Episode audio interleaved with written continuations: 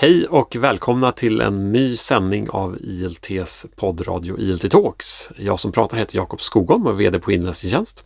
Och med mig i studion idag har jag Signe Toner. Välkommen hit! Tack så mycket! Du är doktorand i lingvistik och eh, vi ska komma tillbaka till det alldeles strax vad det betyder. Men ämnet för dagen är tack, alltså tecken som stöd och även teckenspråk. Utifrån det faktum att eh, vår tjänst Polyglutt numera innehåller ett stort antal eh, tack och teckenspråksfilmer till barnböcker mot förskolan. Men eh, välkommen hit och du kanske kan börja med att berätta om din bakgrund. Ja, det är så att jag har jobbat som logoped i tio år ungefär. Började med att jobba på sjukhus och inom barn och ungdomshabilitering och träffade då både barn, ungdomar och vuxna med olika utmaningar vad gäller språk och kommunikation. Bland annat, det är det man jobbar med som logoped. Sen flyttade jag till Stockholm och fick den stora förmånen att jobba på språkförskolor. Som är specialverksamheter som finns runt om i landet och som eh, är en kombination då av förskola och behandlande verksamhet för barn som har grav språkstörning. Och det är ju en av de grupperna som har väldigt stor nytta av just TAC. Ja, Spännande. Och nu håller du på med en avhandling på området. Ja, avhandlingen handlar inte så mycket om TAC, men den handlar om språkutveckling i förskolan. Ja. Eh, så jag håller på att lära mig att forska här och har ett och ett halvt år på mig ungefär att bli klar med det. Mm. Lite stressigt så här i slutet kanske? Eh, det är alltid. Ja. Bra! Vi tänkte närma oss eh, förskolan och tack då. Kan du berätta först eh, för de lyssnare som kanske inte likt mig själv då visste riktigt vad skillnaden var mellan tack och teckenspråk från början? Kan du bara kort eh, informera oss? Ja, det här är ju en väldigt viktig distinktion för teckenspråk. Det är ju precis som talat språk ett fullödigt språk som har sin egen grammatik och som har minst samma komplexitetsnivå som, som talat språk. Men tack då, TAKK, det står ju för tecken som alternativ och kompletterande kommunikation. Då lånar vi tecken från teckenspråket och sen så använder vi det samtidigt som vi pratar. Och vi tecknar inte alla ord utan vi tecknar de orden som vi tycker är viktigast. Mm. Så det är ett sätt att förtydliga och förstärka kommunikationen. Mm. Och vilka barn är det typiskt som drar nytta av tack? Kan man säga det? Ja, det kan ju vara både barn och vuxna, men en, Eh, en grupp som, eh, där man länge har använt tack, det är ju individer med Down syndrom. Men också språkstörning, andra funktionsnedsättningar, alltså intellektuell funktionsnedsättning, det som man förut brukar kalla för utvecklingsstörning. Autismspektrumtillstånd. Ja, det är några exempel. Och skulle du säga att eh, generellt en, en vanlig förskola och en vanlig förskoleavdelning, pedagogerna där skulle i princip alla kunna dra nytta av tack om de, om de hade kunskapen och så. Ja, det skulle vara toppen. För dels så skulle ju då de barnen som verkligen behöver, det skulle vara lättare för dem att bli inkluderade, att bli delaktiga, att så att säga få sin röst hörd. Då har man liksom en beredskap att möta alla barn och sen så finns det kanske inte så mycket forskningsstöd, men det finns nog mycket erfarenhet som, som säger att man kan ha nytta av det när man är liten och inte har kommit så långt i sin expressiva språkutveckling, alltså förmågan att uttrycka sig, men man kanske har en ganska bra förståelse. Och det här är helt oberoende av en funktionsnedsättning då? Ja, precis. Om vi tänker en ett och ett halvt-åring som nyss har börjat på förskolan och som kanske inte har börjat prata så jättemycket och det kanske inte är jättelätt att förstå det barnet, då kan också tecken vara ett sätt att, eller tack då, ett sätt att eh, ja, öka den ömsesidiga förståelsen helt enkelt. Och mm. en möjlighet för små barn att visa sin, sin kommunikativa kompetens. Mm. Är det här, eh, vad står det i förskolans läroplan om eh, tack? Finns det, benämns det på något sätt som, som ett krav eller en rättighet för barnen? Nej, det står ingenting om tack i läroplanen, men i den här nya reviderade versionen som ska börja gälla från och med nästa sommar är det väl, då har man lyft upp teckenspråket och både då för barn som är döva men också för andra barn som kan behöva teckenspråk.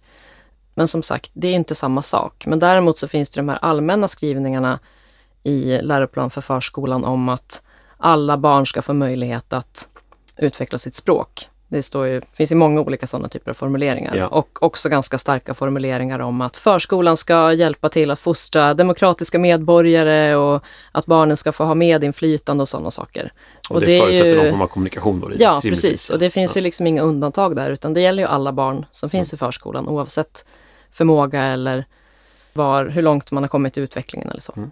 Och hur tycker du det fungerar i verkligheten där ute? Du har ju viss erfarenhet av att jobba i de här skolorna och kanske sett annat. Eh, det här är ju ett nytt språk som en pedagog måste behärska någonstans för att kunna kommunicera med, med eller förstärka kommunikationen med vissa barn.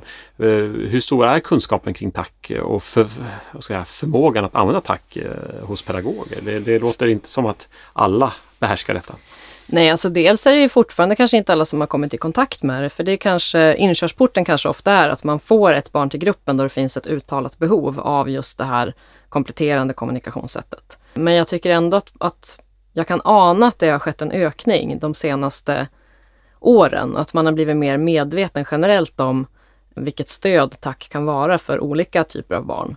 Men sen hur långt man har kommit, det är väldigt olika och det hänger ju kanske ofta på att det finns någon väldigt engagerad förskollärare som är intresserad och som förmedlar den kunskapen vidare i sitt arbetslag till exempel. Mm. Och hur, hur görs den vidareförmedlingen av kunskap? Det, kan, det låter som ganska svårt att lära sig ett, nästan ett teckenspråk. Ja, alltså det är ju alltid, det finns ju kurser och så man kan gå.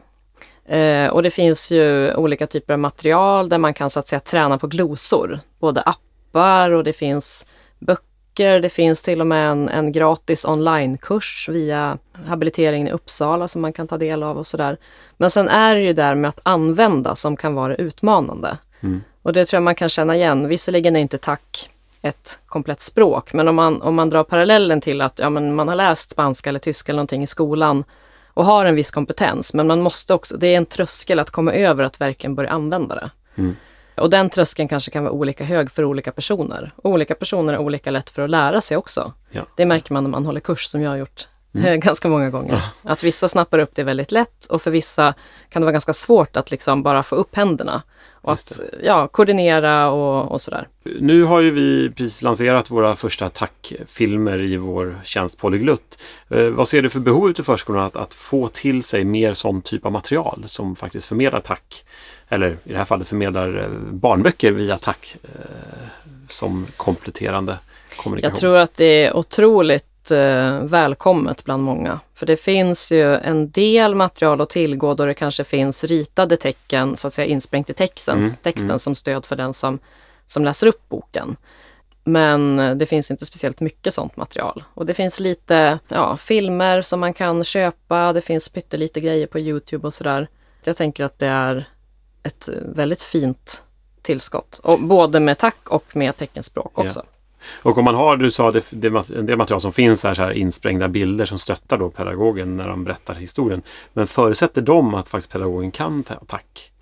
Eller är det ja, lätt att imitera precis. de här bilderna? Det är ju, de, det är ju så ritade bilder som är stiliserade. Det kräver ju liksom lite att man ja, har lärt sig tecknet och så får man en påminnelse om att just det, så just där det. är röda och då ska jag peka på, på läppen eller ja, och om man inte kan, inte har varit i kontakt med tack, eh, kan man ändå dra nytta av såna här tack-tolkade böcker tror du i barngruppen? Eller hänger det ihop? Borde man ändå ha en, en erfarenhet av det som pedagog?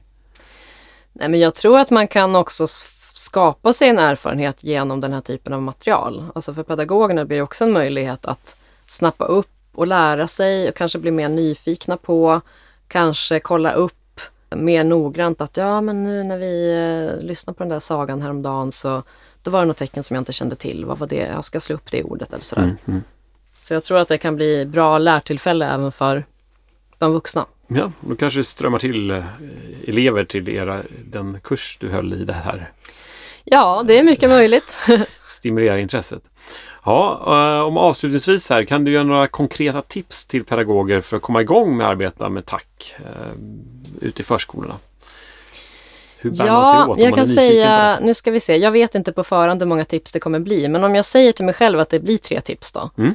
Eh, så det första tipset, det är ju väldigt enkelt då, upp med händerna. Mm. Eh, man måste liksom medvetet bestämma sig för att man ska börja använda händerna. Ja.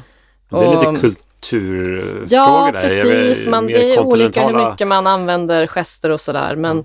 så en del kanske känner att det känns lite ovanligt eller obekvämt, onaturligt eller någonting.